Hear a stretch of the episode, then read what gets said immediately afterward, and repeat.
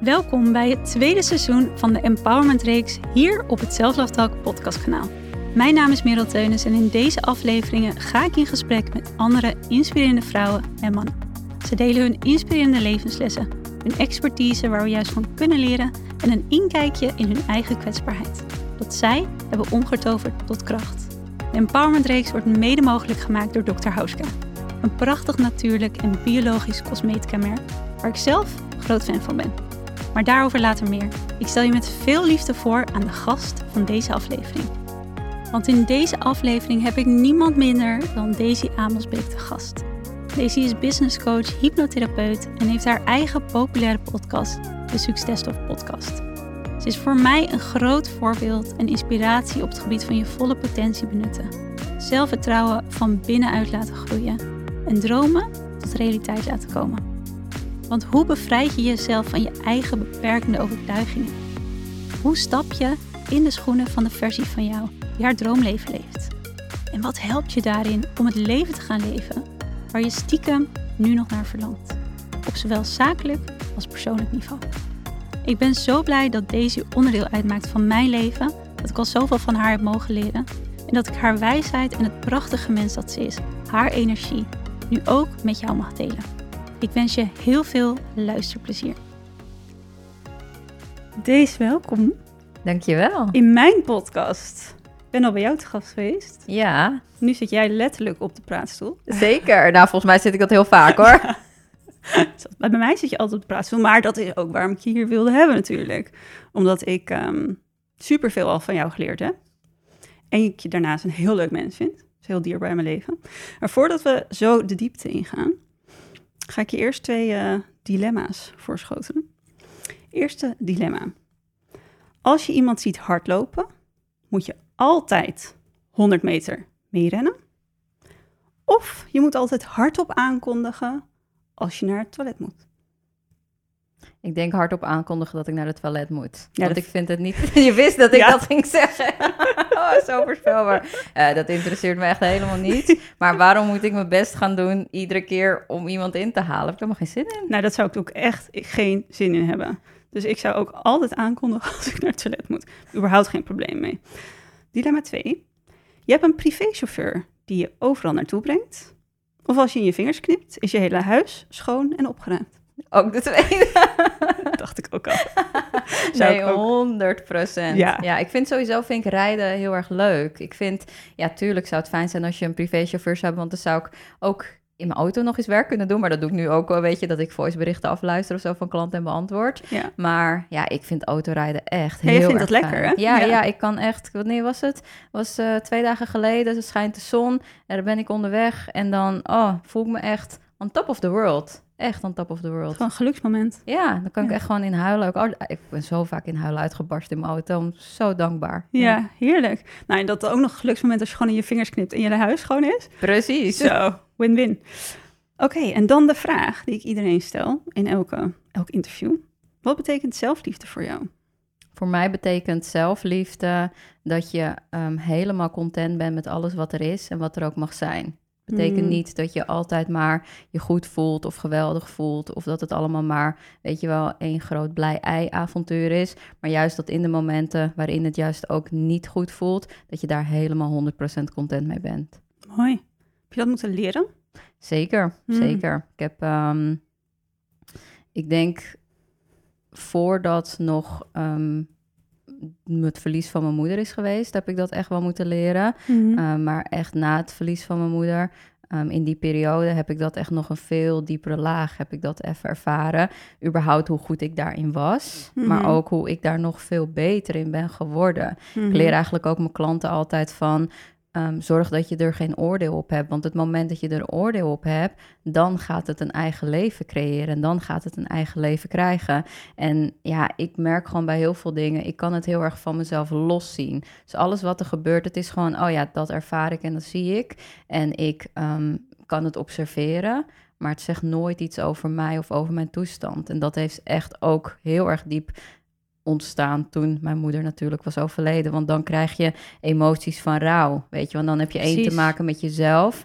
Met een schuldgevoel. Wanneer mag ik het wel doen, wanneer mag ik niet verdrietig zijn. Ook met de maatschappij, dat de maatschappij dat allemaal niet begrijpt. Dus dat wordt dan een soort van hele, als je dat niet voelt, wordt een soort van hele, ja, heel wol, weet je, hoe noem je dat? Zo'n kluwe wol aan emoties. Ja. Die als je dus niet er afstand van kan nemen, ja, dan word je, de, word je gewoon in meegezogen volledig. Hmm. het is ook wel mooi dat je dat benoemt, want ik denk dat we heel vaak, toevallig deelde ik dat laatst op Instagram ook, ons heel vaak identificeren compleet met onze emoties, waardoor we ook letterlijk onze emoties worden en dan blijven we erin vastzitten. En mooi wat jij zegt is het oordeel dat we daar dus heel vaak op hebben. En vaak vooral het oordeel, het mag er niet zijn. Of het zegt iets over mij wat niet goed is. Waardoor, het, waardoor we het in stand houden. Of waardoor we niet verder komen dan. Ja, exact. Ik vind dat ook jammer hoor, dat dat, mm. dat dat vaak gebeurt. Want dat is eigenlijk de reden waarom we zo hard ook naar onszelf zijn. Vandaar dat ik zelf zelfliefde is voor mij niet dat het allemaal goed is. Maar juist dat je in dat soort momenten juist die compassie voor jezelf kunt vinden. Om vanuit daar uh, op een andere manier ernaar te kijken. Mm. Ja, en wanneer je, want ik kan me ook voorstellen dat mensen nu luisteren en denken, oh, dat is dus juist wel wat ik best wel lastig vind. Hoe, wat helpt jou om op die manier, die compassievolle manier, er dan naar te kijken of met jezelf om te gaan? Voor mij is het um, in ieder geval een stuk bewustwording.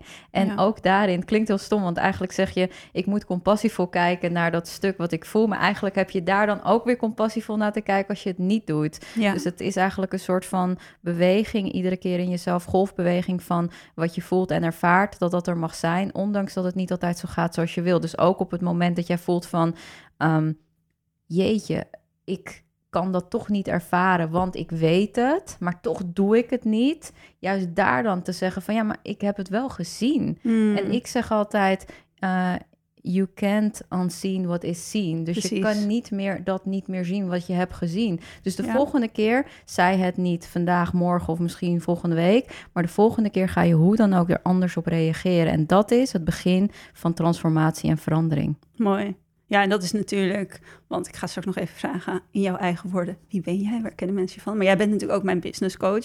Je bent veel meer dan alleen maar iemand die op business coacht. En dat is natuurlijk, ik ben iemand die meer zit op persoonlijk coaching, maar dat levelt overal in het feit dat bewustzijn soort van het zaadje al is. En als je dat water gaat geven vanuit die liefdevolle bewustzijn, ja, dan kan je niet eens meer terug naar dat level wat er eerst was. Klopt. is mooi. Ja, ben ik helemaal mee eens. Mooi.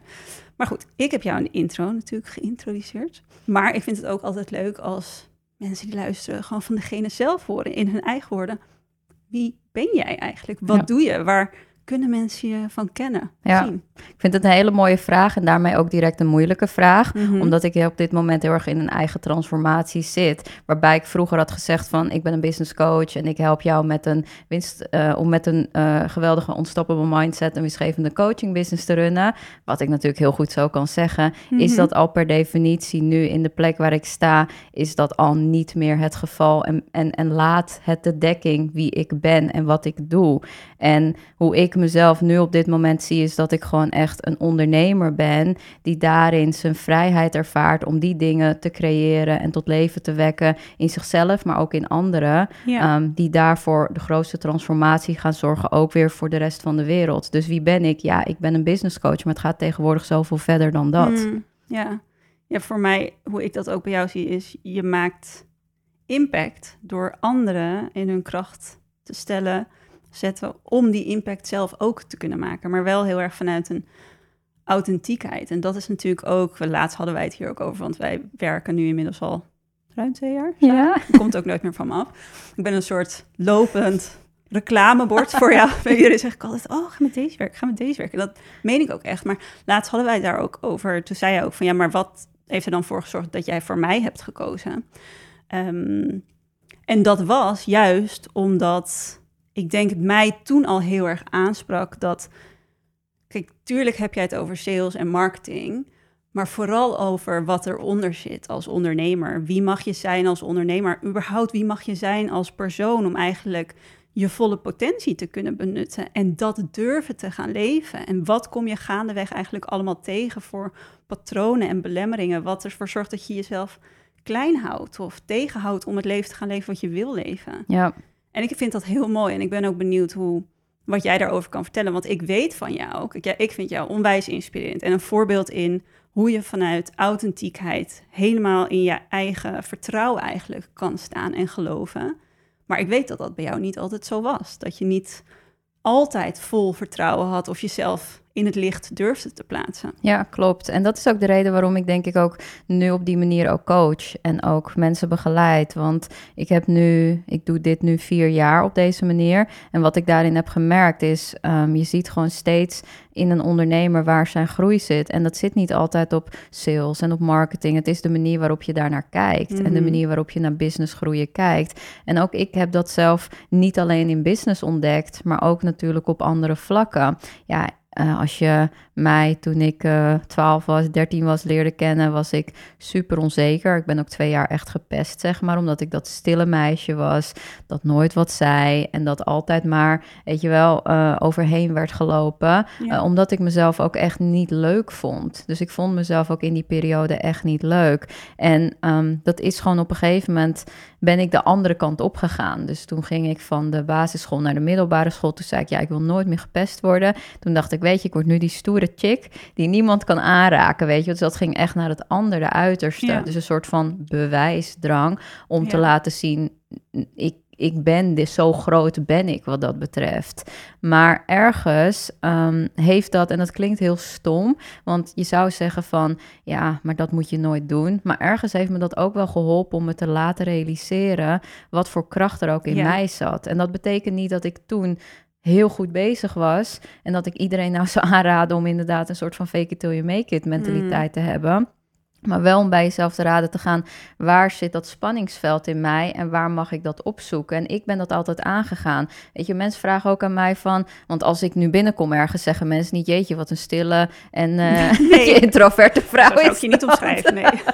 Nee, dus mensen zeggen altijd, wow, je bent echt spontaan en vrolijk en gezellig. Maar Ja. dat komt omdat ik mezelf zo vaak in situaties heb geplaatst, Ja. waarin ik me gewoon echt vanaf mijn kruin tot aan mijn tenen verschrikkelijk voelde. Mm. Maar ik wist gewoon van ergens onbewust, dit is wel wie ik ben en mag gaan zijn. En misschien is diegene helemaal ondergesneuveld door Ja. alles wat ze heeft meegemaakt. Maar ze zit er wel. En dan Precies. kwam ik gewoon bij evenement, of hoe noem je dat, gewoon bij eh, een kamer binnen met vrienden, weet je wel. En dan ja, ging ik maar gewoon praten. En dan ging ik maar gewoon daar staan. En ging ik gewoon, weet je, eh, in een club ging ik dansen, weet je Ja. wel. Eh, om op die manier eigenlijk ervoor te zorgen dat iedere keer dat je dat spanningsveld opzoekt in jezelf, omdat je weet, ja, maar daar zit dat potentie in mij. Mm. En ja. dat is ook wat ik nu ook natuurlijk bij mijn klanten doe. Continu dat spanningsveld op bij hen opzoeken van ja, maar weet je, ik zie jou daar al. Ik zie dat al, jij bent het al, noem het maar wat op. En het feit dat jij dat ziet met al je laagjes,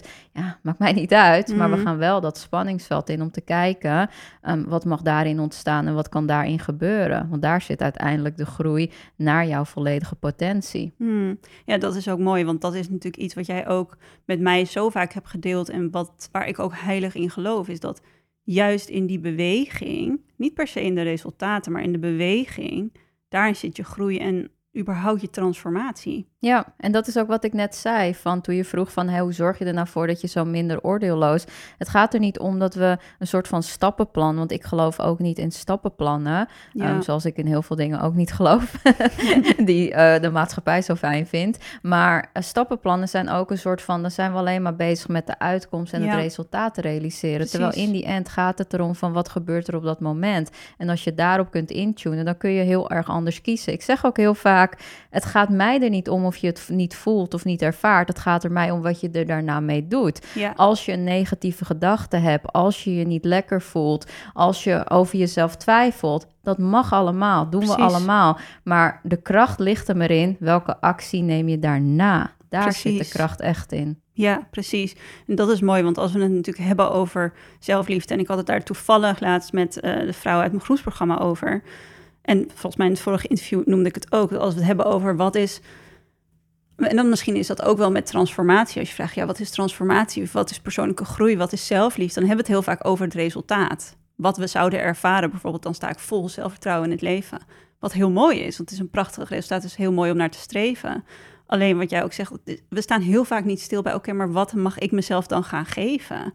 Of wat jij heel mooi zegt, en dat vind ik dat is denk ik een van de mooiste mindsets die je kan aanleren, überhaupt in het ondernemerschap, maar gewoon überhaupt in het leven. Wie mag ik dan daarvoor zijn? Omdat we zo vaak blijven vasthouden aan dat verhaal dat we kennen, dat verhaal dat we zijn gaan geloven, wat niet aansluit bij dat verhaal van onze dromen of misschien het leven van ons verlangensleven.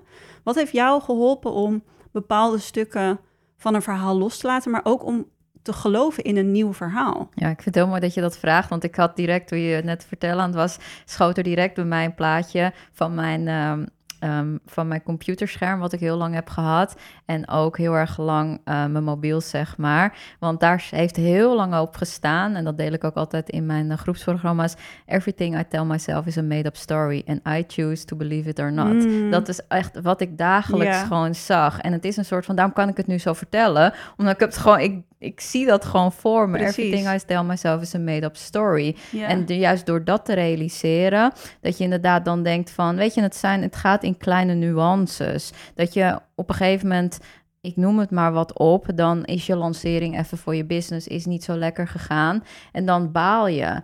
En dan kan je twee dingen doen. Of je kan inderdaad zeggen van, nou, dit ga ik nooit meer doen en zoek het maar uit. Of, en dat gebeurt er dan hele kleine nuances, dat je denkt van, ja, wat, wat, wat gebeurt er nu eigenlijk echt hier? En dan voel je je nog steeds ellendig en rottig de eerste keer. En dan wil je alsnog het liefst opgeven. Maar door die kleine nuances continu ga je ook dus anders leren denken. Dus het is nu een soort van state of mind bij mij geworden. Dat als ik iets ervaar of zie, dan denk ik: oh ja, dit is iets wat ik mezelf vertel. Wat is eigenlijk waar? Wat is echt waar? Precies. Maar dat gaat echt in kleine nuances. Dus door jezelf te trainen, dat is wat ik zeg. Ik heb dat bijvoorbeeld gedaan door Um, op mijn laptop. En weet je, ik werk ook met dingen die ik zie. Ik heb nu nog steeds een heel groot whiteboard waar heel veel dingen op staan die ik gewoon dagelijks zie. Niet een soort van, oh, ik lees ze echt, maar door er langs te lopen. Of gewoon, weet je, het even, even kort te zien. Weet je, het is ook niet dat ik daar naar kijk, 10 minuten of zo, en helemaal daarop mediteren, noem het maar wat op, dat niet. Ik loop er gewoon langs. En dan door dat soort dingen wordt het onbewust meegenomen. Net als wat ik zei, um, bijvoorbeeld op mijn mobiel of dat soort dingen. Ja, En dat merk je nu, want ik kan het gewoon zo benoemen. Terwijl vroeger was het, ja, er staat iets, maar ik weet niet precies wat het is. Mm. En nu kan ik het zo benoemen en ik zie het direct voor me en daar leef ik ook naar. Ja, en dat is mooi, want dat is natuurlijk wat we weten over het brein, is dat het brein heeft ergens een bepaalde associatie mee. En razendsnel wordt dat getriggerd wanneer we iets waarnemen over onszelf of er gebeurt iets. En dan vinden we daar dus iets van. En wat jij zegt, dat is natuurlijk heel mooi. Dat is natuurlijk ook bijvoorbeeld waarom een vision board werkt en waarom het veel groter is dan enkel plaatjes opplakken. Is omdat wij heel bewust een bepaalde associatie daarmee hebben. En hoe vaker we dat gaan zien en herhalen en voelen en ons daarop instellen, hoe meer we natuurlijk überhaupt ons identiteitsniveau op dat vlak aanpassen. Ja, ja, en ik hoop ook, en dat vind ik het mooi aan jouw werk, ik hoop ook dat we steeds meer als mens gaan realiseren hoeveel kracht daarin zit en op welke manier we ons brein kunnen gaan programmeren en dat we überhaupt ons brein kunnen programmeren op hele andere manieren dat we soms nu doen. Wat vanuit de maatschappij wordt verteld met inderdaad een stappenplan om meer zelfliefde te ervaren of bijvoorbeeld te gaan affirmeren zodat je het maar gaat geloven. Weet je, dat is zo, zo counterintuitive eigenlijk op hoe je brein werkt. Terwijl als je leert begrijpen hoe je brein werkt mm. en waarom je bepaalde dingen ziet en ervaart, dan kan je daar ook mee omgaan. Bij mij was bijvoorbeeld het grootste inzicht toen er tijd, um, is dat je um, de, hoe heet het, de bias, ik kom, ik kom, even niet op de naam meer, maar dat je gewoon ziet van alles wat ik denk, dat wordt ook gewoon gespiegeld aan mij. Weet je, net, ik doe altijd het voorbeeld van als jij een Ferrari gaat kopen die rood is, dan opeens zie je overal rode Ferraris en denk je, hè, iedereen rijdt in een rode Ferrari, wat is dat? Ik dacht dat ik bijzonder was, terwijl daarvoor zie je het niet. Maar dat werkt niet alleen maar met natuurlijk een rode Ferrari, maar dat werkt ook met als jij denkt van zie je wel, mensen mogen me niet. Dan het enige wat je brein gaat zeggen is, nou, klopt. Dus confirmation. Hij gaat je, hij gaat je confirmeren en zeggen: dit, dat is het inderdaad. En hij gaat alleen maar op zoek, omdat jij hem eigenlijk programmeert. Want je zegt niet dat wil ik zien, maar je zegt wel: ik zie dit, dus geef me daar meer van. Dus je gaat alleen maar meer dingen zien, waardoor je denkt: zie je wel, ik ben niet goed genoeg, of zie je wel, dit werkt niet, of dit klopt niet. Ja, en dan gaat het een soort van downward spiral creëer je daarmee. Ja, en het is denk ik heel waardevol dat we er überhaupt steeds meer kennis over krijgen. En dat we daar steeds meer over praten. Over wat er natuurlijk op onbewust niveau daarin allemaal ligt opgeslagen. Wat ons ontzettend aanstuurt om op een bepaalde manier in het leven te staan. Op een bepaalde manier ons leven te leven. En ons heel erg blokkeert om juist misschien onze ware zelf te zijn, onze volle potentie te kunnen gaan benutten. Want als jij kijkt naar het werk dat je doet als business coach, als coach überhaupt, waarvan merk je dan dat het misschien wel de meest voorkomende belemmering is, waardoor we niet onze volle potentie durven te benutten? Nou, wat je natuurlijk is, natuurlijk het ik ben niet goed genoeg. Eigenlijk heb je bij um, het heel, heel grappig, want ik coach natuurlijk vrouwen. En bij vrouwen is eigenlijk het ik ben niet goed genoeg, is een soort van de meest voorkomende. Terwijl je zou zeggen, ja, dat is bij iedereen zo. Mhm. Maar bij mannen is dat dus niet zo. Bij mannen is het I cannot provide. Dus mhm. ik kan niet um, iemand onderhouden. Dat is echt een van de grotere angsten die bijvoorbeeld bij mannen ligt. Terwijl bij vrouwen is het ik ben niet goed genoeg. En dat is omdat um, we van jongs af aan natuurlijk op een bepaalde manier worden geprogrammeerd. En dat is ook de reden waarom, nou jij bent natuurlijk ook hypno hypnotherapeut, maar waarom ik dat natuurlijk ook een hele mooie manier vind om eigenlijk met jezelf aan de slag te gaan. Want je moet je voorstellen, um, als kind van vijf of zes of zeven, maak jij een soort van realiteit voor jezelf waar je naar gaat leven. En dan probeer jij als volwassene probeer je te kijken hoe maakte ik die realiteit nou eigenlijk? Ja, is complete onzin. Dat is net als dat je nu gaat zeggen, leef je in je kind in. Ja, je kan je misschien wel tot een bepaalde mate in je kind in leven, maar 9 van de 10 keer weet je toch niet precies hoe dat in elkaar steekt. En dat is ook bij jou. Ik heb mm zoveel mooie voorbeelden, ook toen ik die hypnoseopleiding deed, heb ik daarin gezien en gehoord natuurlijk van de podcast die ik daarin luisterde. Van bijvoorbeeld, ik noem maar eventjes een meisje die um, een avocado op haar negentiende kreeg ze een avocado-allergie. Weet je, daarvoor was alles goed. En tot haar negentiende kreeg ze een avocado-allergie. En niemand wist wat het was, want haar bloed werd gecheckt en het was allemaal goed. Weet je, allemaal goede waarden. Totdat ze inderdaad ontdekte dat ze, toen ze vijf was, haar zusje heel erg ziek werd.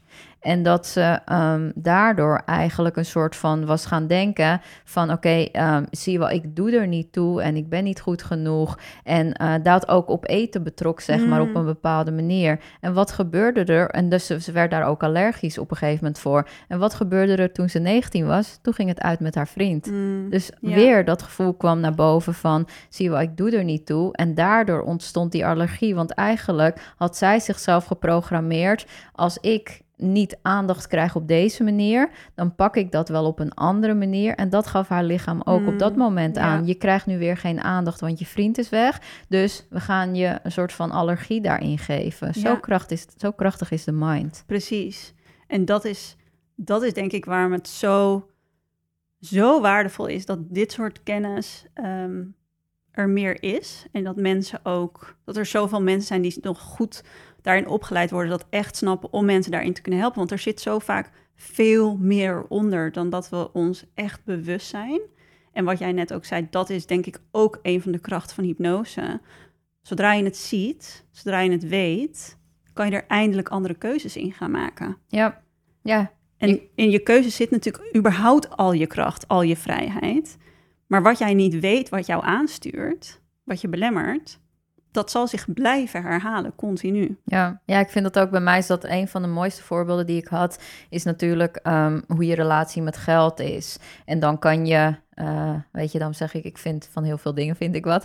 Um, dan kan je inderdaad een soort van mooie oefeningen doen die je vaak ziet over money mindset. Weet je, um, wat is de reden? Weet je, een vraag, wat is de reden dat je zo'n slechte relatie hebt met geld? En dan schrijven mensen allemaal, weet je, allemaal vanuit hun bewuste brein, schrijven ze allemaal dingen op, wat misschien ergens wel klopt, maar ook voor een gedeelte niet. En ik heb dat bij mezelf dus ontdekt, want ik heb dat ook gedaan. En op een gegeven moment kwam ik met hypnose in aanraking en op een gegeven moment ging ik een regressie doen. En dat ging dus over geld. En ik had zo een soort van mijn verhaal was geworden vanuit mijn volwassen brein, wat ik dacht dat mijn kindbrein dacht is, ehm, om ik heb geen goede relatie met geld, uh, omdat um, mijn ouders uh, rijk waren of zo, weet je wel. Mhm. Dus uh, mijn ouders waren heel rijk, weet je, zijn heel rijk en die hebben dus mij geen goede relatie daarmee gegeven. En um, weet je, mijn vader vond, hield niet van me op die manier of zo. Mm. Zoiets dacht ik bij mezelf. Mm. En toen ging ik in de regressie en toen kwam er een beeld uit van, van kerst was dat inderdaad. En uh, daarin zag ik mezelf een soort van een cadeautje krijgen waar ik niet gelukkig mee was. Mm. Dus um, toen zei ik dus ook in die, uh, in die hypnose van ja, maar ik krijg nooit wat ik wil. Mm. Want ik kreeg nooit de PlayStation. Ik kreeg altijd het C-merk. Mm. Inderdaad, ik kreeg, weet je wel, nooit uh, dat, dat dure. Ik kreeg altijd het, uh, weet je, een sokken of zo dan, weet Ja. je, zoiets. En dat is mijn brein dus gaan denken. Ja, jij bent het niet waard om het meest mooiste, beste, impactvolste geldstuk te mogen ontvangen. Want jij zal altijd voor B of C moeten gaan. Ja. Dat is wat mijn mind toen zei. Maar als je dan wakker wordt aan een hypnose, dan denk je dit klopt echt van geen kant. En dat kan ik nu zien als een volwassen persoon. Ja. Dat mijn ouders niet dat hebben ingeprent. Precies. Ja, als Ja. dan zie je wel, je bent niet waard om min. Nee, voor hen was het inderdaad, nou, ik ben enigst kind, ben ik heel blij mee uiteindelijk. Want je, je wordt gewoon opgevoed met, uh, weet je, je krijgt gewoon niet alles. Want Mm. uh, je wordt geen, je wil niet dat je een verwend kind wordt of zo. Ja. Dat was misschien hun intentie op die manier. ja. Maar ik ben het gaan creëren. Ja, dus ik ben het niet waard om het allerbeste te hebben in geld wat ik maar verlang. Het zal altijd een B of een C blijven. Maar toen ik dat wist, kon ik dat ook in één keer doorbrak ik het. Want ik kon zeggen tegen mijn volwassen brein, eigenlijk mijn kind, dit klopt niet. Het is gewoon complete onzin. Precies. En daarmee was het ook weg. Ja. ja, en dat is wanneer het een waarheid blijft, die we onbewust zijn gaan geloven, dan houdt het ook in stand. En dat is het mooie, want dat zie ik natuurlijk in, in de groepscoaching die ik nu ook doe. Die verhalen die naar boven komen, waarbij mensen zich realiseren... ja, dat is een verhaal wat ik ben gaan geloven over mezelf. En dat is denk ik ook wat we ons niet realiseren in wat voor invloed de jongere zelf, zeg maar, nu nog heeft op ons volwassen zelf. Want we denken, we zijn volwassen, we doen alles met ons bewuste mind. We kunnen echt zelf wel kiezen wat we willen. Maar op jongere leeftijd, dat voorbeeld dat jij ook gaf, weet je, een cadeautje dat je krijgt en het besef nou, ik krijg niet wat ik wil, of ik krijg nooit wat ik eigenlijk wil hebben. En je ouders die dat misschien gewoon vanuit de beste intentie doen van, nou, maar dit is ook mooi en hier mag je ook gelukkig mee zijn. Dat is dus niet hoe ons brein op kindsniveau denkt. Wij, ons brein maakt daar heel vaak op identiteitsniveau dan een verhaal van, omdat we ons ergens niet vervuld voelden in een bepaalde behoefte. Maar vervolgens op volwassen leeftijd denken we helemaal niet zo. Zien we ook helemaal niet hoe dat kind dat überhaupt ooit gevoeld heeft. Maar die onvervulde behoefte, die zit heel diep. En die is maar niet vervuld. Dus dat blijft zich in allemaal op bepaalde vlakken in je leven, een bepaald gedrag, blijft zich dat uiten. En ik denk dat dat ook heel mooi is in wat jij doet en wat voor heel veel mensen zo'n verschil maakt, is ga maar eens onderzoeken wat er bijvoorbeeld in jouw gedrag zit, in bijvoorbeeld het klein houden van jezelf of hoe je letterlijk eigenlijk dus met jezelf communiceert, waardoor je continu tegen een, een muur aanloopt die je eigenlijk zelf plaatst.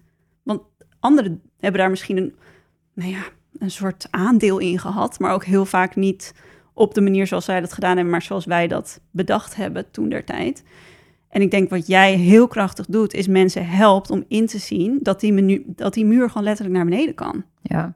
ja, ik weet ook nog wel, ik was bij een training, want dat is wat jij net vroeg van wat is nou um, het grootste belemmeringen die je ziet bij vrouwen daarin. Dat is, ik ben niet goed genoeg, maar dat zit vaak ook gekoppeld aan een ouder, Mhm. weet je wel, die dat niet heeft gegeven of dat niet heeft gedaan. Ja. En ik was uh, een keer bij een training, dat vond ik zo waardevol, dus vandaar dat ik dat ook wil delen. Um, en er was een man, een hele grote kerel, weet je, echt uh, beer van een vent. Nou, was prachtig, hele lieve man, ook echt van binnen. En die had dus een dochter. En die dochter die was uh, 18 geloof ik, of in ieder geval ze zat in de puberteit, was er net een beetje uit. En um, toen uh, zei die coach, die, die de groep leidde, zei inderdaad tegen hem van... ja, um, als je nu naar je dochter kijkt, wat, wat, wat zie je dan? Want hij voelde dat ze steeds meer weg bij hem trok, zeg maar. Maar Mhm. hoe komt dat, zei hij dat? En toen zei hij van, die man zei dus... ja, ik weet het niet, want ik geef haar zoveel liefde, weet je... en ik wil gewoon het allerbeste voor haar. En toen zei die trainer van, maar wat doe je dan nu op dit moment? ja, weet je, ik wil gewoon dat ze geen fouten maakt. Dus ik behoed haar daarvoor.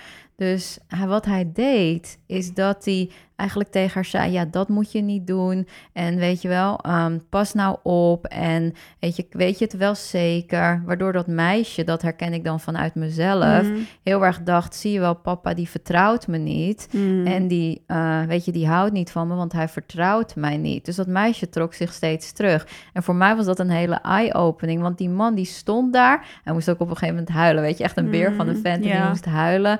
Dat hij zoveel om zijn dochter gaf. Maar maar dat hij gewoon niet wist op welke manier hij dat moet uiten. Dat ik dacht, ja, dat is letterlijk het verhaal tussen mij en mijn vader. Want zo deed mijn vader ook. Alleen ik heb een verhaal gecreëerd van mijn vader vindt niet dat ik goed genoeg ben. Hij vertrouwt niet op mij. Hij denkt niet dat ik dat kan dragen. En hij is altijd maar aan het controleren omdat hij denkt dat ik daar niet volwassen genoeg voor ben. Terwijl ik toen ik bij die man zag, dacht ik, ja, maar dat is alleen een pure uiting van de meest pure liefde die er is. Ja. En dat is, ja, voor mij was dat echt een eye-open. Dat ik dacht, ja. Ik hoop dat je geniet van dit prachtige gesprek met Daisy. En er komt nog heel veel inspiratie jouw kant op. Maar voordat we verder gaan, wil ik tussendoor een hele waardevolle tip met je delen. En tegelijkertijd Dr. Hauska, mijn geweldige partner van deze reeks, in het zonnetje zetten. Want dankzij hun heb ik deze interviews in een prachtige studio kunnen opnemen. En de tip die ik nu met je wil delen is van een van de luisteraars. Marga, hoi, ik weet dat je luistert. Zij heeft namelijk gebruik gemaakt van de kortingscode MEREL20 waarmee je 20% korting krijgt op jouw gehele online bestelling met Dr. Hauska. En zij stuurde mij Hey Merel, mochten meer luisteraars van jouw podcast niet zo goed weten wat voor type huid zij hebben, je kunt een gratis skincare test doen op de website van Dr. Hauska. En dan zie je precies welke producten zij aanraden voor een dag- en nachtverzorging. Ik vond dit zo'n goede tip, want ik wist dit zelf ook niet en ik heb het even opgezocht en de test werkt inderdaad heel simpel. En zo zie je precies wat het beste past bij jouw huid. Ik zet voor het gemak de link naar de test in de beschrijving en ook nog even de kortingscode en dan kan je dit voor jezelf ontdekken. Nu snel weer terug naar Daisy. Je weet vaak niet de intentie van de ander daarin. Ehm, en daarom is het ook zo goed als je dat voelt om gewoon een gesprek aan te gaan met je ouders van hey, dit is hoe ik het heb ervaren, maar hoe was dat voor jou überhaupt? Dan zie je dat ze vaak echt van een plek van liefde komen, maar dat het hun ook op een bepaalde manier is aangeleerd om dat op die manier te tonen. En voor mij was dat, nou, dat was echt het meest ever inzichtelijke, waardoor ook een soort van die ding verdween. Al oh, mijn vader vindt me niet goed genoeg, nog nooit meer daarna ervaren. Nee, bizar hè? Ja. Omdat je het eigenlijk, en dat is denk ik ook het stukje heling, wat überhaupt zo belangrijk is, is dat we het vanuit een ander, en dat is natuurlijk wat hypnose ook doet, je gaat het vanuit een ander perspectief zien. En ik weet wel dat toen ik aan hypnose begon, dat dat een soort eye-opener was, dat ik dacht, heling gaat niet eens zozeer om het oplossen van de pijn. Het gaat erom dat je kan gaan zien vanuit andere perspectieven hoe je het ook op dat moment had kunnen zien en hoe je het nu mag zien. Het gaat erom dat je een, überhaupt een andere betekenis ergens aan kan geven. Want zodra, zolang die betekenis eigenlijk hetzelfde blijft, dan blijft het verhaal hetzelfde, blijft je gedrag en alle resultaten hetzelfde. Ja. Dat is een super mooi voorbeeld. Ik denk dat voor heel veel mensen die luisteren, zeker ouder-kindrelatie daarin, dat dat heel herkenbaar is. Ja, ja, maar daarom zeg ik, uh, ik, ik heb dit ook verhaal wel vaker verteld, gewoon aan, weet je, klanten die dat ook ervaren, weet je, of wel eens bij mijn eigen trainingen, dat dit is wat je dus niet ziet. Weet je mhm. wel, dat zeg ik. Het, het, was voor mij een soort van privilege dat ik die man kon zien. Nogmaals, weet je, echt met een stoere vent, weet je, dat je echt nooit erachter zou zoeken, maar zo kwetsbaar op dat moment en weet je, zo verdrietig over de liefde die hij dan niet op die manier aan zijn dochter kon tonen, dat die dochter waarschijnlijk denkt van, ja, papa die vertrouwt me gewoon niet. Ja. Weet je, want die trok gewoon weg. Ja, het is toch zonde. Ja, en, en ook wel heel mooi om te zien dat daarin hoe dicht liefde en angst bij elkaar liggen. Dat we vanuit liefde heel vaak dingen willen doen, ook voor onszelf, maar de angstprogrammering daarin het overneemt. En ik denk dat dat ook heel waardevol is. En wat ik natuurlijk ook wat ik zelf leer aan mijn klanten, maar wat ik van jou ook leer in, in mijn bedrijf, wat een veel diepere laag is in wat, welke angstprogrammering zit er bijvoorbeeld in? Ik denk als ondernemer, maar ook als je bijvoorbeeld gewoon uh, werknemer bent of je hebt bepaalde dromen en doelen die je wil gaan vullen, of dat nou business is of persoonlijk. Daarin zit dat, dat vraagt zo'n stretch vanuit je comfortzone en dat vraagt zo aan je om een, een nieuwe versie van jezelf te zijn die al in je zit, maar die waarvan je wel mag gaan ontdekken: oké, wie is zij dan? Wie is zij die dat die dat fantastische bedrijf heeft? Of wie is zij die wel die droomreis gaat maken? Of die zich lostrekt van alles wat ze misschien in de omgeving heeft gehad? En ik denk dat die stretch maken of dat zelfvertrouwen hebben, dat dat wel iets is wat heel veel vrouwen en mannen lastig vindt. En ik denk dat jij daar ook een ontzettende ontwikkeling in door hebt gemaakt voor jezelf. Als er nu iemand luistert, en ik weet zeker dat er heel veel mensen zijn die luisteren en die denken van ja, maar dat is dus wat bij mij ontbreekt. Dat zelfvertrouwen, dat zou ik juist echt meer willen hebben. Wat voor advies zou jij diegene daarin kunnen geven? Ik zeg altijd zelfvertrouwen uh, leer je door gewoon heel stom te gaan doen, maar veel mhm. meer door het gewoon aan te gaan. Zelfvertrouwen, weet je, we hebben een soort van eh, hele rare mindfuck waarin we denken: eerst moet ik zelfvertrouwen en dan kan ik dat. Het zelfvertrouwen volgt altijd na. Weet je, er altijd na. Ik ben nu zo krachtig en sterk omdat ik dingen heb gedaan waardoor ik iedere keer denk van wow, ben ik daar in staat toe? Jeetje, nou om je even mee te nemen. Ik ben nu bijvoorbeeld, dat is ook een heel mooi voorbeeld. Ik ben nu bezig met een uh, uh, nieuwe business, een project daarin. En nou, mijn hele planning liep helemaal anders dan ik had verwacht, doordat ik ziek werd. En mm. toen kon ik twee dingen doen. Of ik kon denken van, oké, ik ga het anders plannen en dan ga ik het maar niet aan. Of ik ga het wel aan en ik zie het wel. Nou, voor mij was het de tweede optie, maar dat kwam voornamelijk omdat ik het echt op een bepaalde datum ook echt wilde lanceren. Dus er was een soort van, die andere optie is überhaupt niet mogelijk, terwijl ik hem misschien anders wel had genomen. Maar wat ik mezelf dan de afgelopen periode heb zien doen in dat korte tijdbestek, denk ik holy moly, als ik hiertoe in staat ben, hmm. waar ben ik dan nog meer in hemelsnaam in staat toe? Als ik dit in een tijdbestek van een maand, anderhalf kan creëren, wat kan ik dan nog meer? Dus alleen maar door dat te doen ben ik al tien levels hoger in mezelf gegaan, in mijn zelfvertrouwen. En dat is het in die end. Daarom vind ik zelfintegriteit, heb ik het heel vaak over, is een voor mij een van de belangrijkste dingen. De afspraken die je tussen jezelf maakt. Ik leer ook mijn klanten van. Hè? weet je ook mhm. wel. Zorg ervoor dat je niet, um, weet je, een hele lange to-do-lijst hebt en aan het eind van de dag je ongelukkig voelt met alles wat je niet hebt gedaan. Maar maak het realistisch voor jezelf. Dat je iedere dag een soort van kleine win voor jezelf creëert. Jeetje, heb ik gedaan. Wat denk je dat je brein gaat doen? Jij bent goed, man. Jij bent echt goed. Wat denk je dat dat over twee, drie, vier, vijf maanden, over twee jaar mee gebeurt? Daar ben ik het bewijs van, want dat is de basis waar ik vanuit ben begonnen. Niet continu maar uh, mezelf allemaal dingen opleggen en aan het einde van de dag of van de week me ellendig voelen omdat ik het allemaal niet heb gerealiseerd of heb gehaald of noem het maar wat op. Maar juist in die kleine stappen beginnen en elke dag dan jezelf vieren dat je het überhaupt hebt gerealiseerd. Nou, dat bouwt zelfvertrouwen op. Ja, ja, en dat is het mooie, want dat laat dus ook weer zien wat we heel vaak denken bij zelfvertrouwen, maar ook liefde. Dat dat we leren, en dat komt natuurlijk ook vanuit jongs af aan, want dan zijn we er ook afhankelijk van anderen. Maar we leren dat we dat eigenlijk voornamelijk verkrijgen door wat we doen, of dat we dat moeten ontvangen, of dat we het moeten verdienen. Terwijl, wat jij ook heel mooi zegt, het is wat groeit doordat je het jezelf geeft, of doordat jij acties gaat ondernemen waarin je jezelf viert dat je het doet. Dus het gaat eigenlijk helemaal niet om de resultaten of wat je van buitenaf ontvangt. Het is fijn als dat mee, zeg maar. Dat mag je ontvangen en met liefde omarmen. Maar het is veel meer, het zit veel meer in jouw eigen, in die eigen relatie die je hebt en wat jij jezelf daarin aan input geeft. En ik denk ook, en dat hebben wij natuurlijk als hypnotherapeut ook echt geleerd in Kijk, onze programmering geeft ons gewoon continu de hele dag bepaalde input. Mhm. Bepaalde input. En dat zorgt ervoor dat we op een bepaalde manier denken, op een bepaalde manier ons voelen, op een bepaalde manier ons gedragen en alle resultaten in ons leven. En dat was voor mij echt een eye-opener, weet ik nog wel. Ook echt heel erg in hypnose, dat ik dacht, ja, als je dus zelf die keuze niet maakt, als je dus zelf niet gaat bepalen welke input geef ik mezelf eigenlijk, dan wordt dat zonder dat je onderbewustzijn eigenlijk überhaupt kan kiezen. Je heeft geen vrije wil wat erop te maar het wordt gewoon continu aan je gegeven dan. En je gaat het compleet geloven, je gaat het compleet belichamen en het vormt wat dat betreft, je hele leven en hoe je in het leven staat. Ja. Ja, daarom zeg ik ook, begin gewoon daarin echt klein. Daarom zeg Ja. ik zelfintegriteit is daar een van de mooiste vormen voor. Dat je gewoon tegen jezelf zegt van, eh, ik noem maar wat op. 's ochtends sta je op en je zegt, vandaag ga ik ehm, de vaatwasser uitruimen. Komt in me op omdat ik dat toevallig nog moet doen. de vaatwasser uitruimen.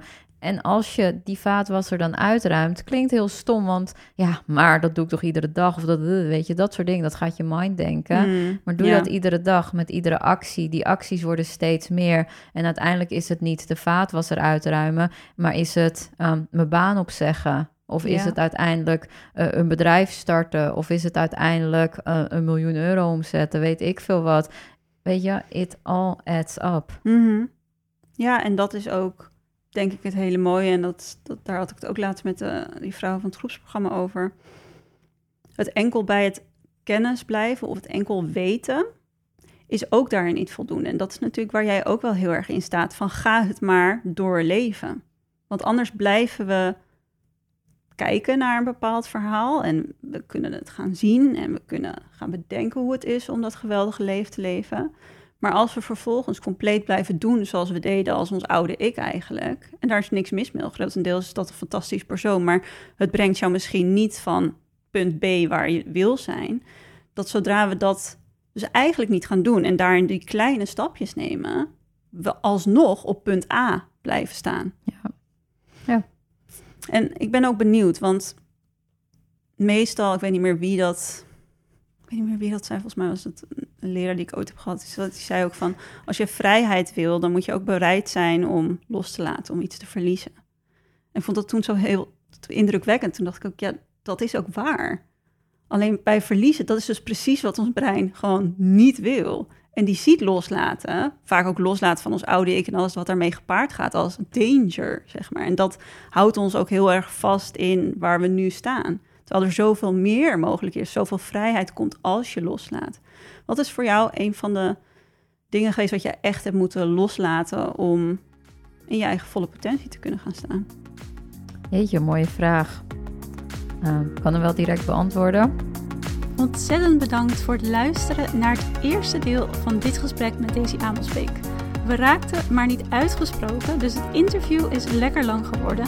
En daarom heb ik ervoor gekozen de aflevering in twee delen op te splitsen. Volgend weekend staat deel 2 online en ik kan je ervan verzekeren dat je deze ook niet wilt missen. Heb je naar aanleiding van deze aflevering vragen of wil je iets delen? Zoek ons even op via Instagram. Ik zal alle gegevens even in de beschrijving zetten. Of tag mij, Teunis, in je stories. Ontzettend leuk om te zien en je helpt daarbij ook de zichtbaarheid van de podcast. Zoals ik al eerder noemde, wordt deze Empowerment Reeks mede mogelijk gemaakt door mijn fantastische partner, Dr. Houska. Vergeet niet dat je met de unieke kortingscode MEREL20 20% korting op jouw online bestelling ontvangt. En een kijkje op de website is zeker de moeite waard. Dus dankjewel aan Dr. Houska dat jullie mijn partner willen zijn, waardoor ik wederom zo'n prachtig seizoen kan delen. Elke zaterdagochtend staat er een nieuwe aflevering voor je klaar, hier op het Self-Love podcastkanaal. En ik zie je heel graag dan weer terug. Heel veel liefs, tot snel. Bye!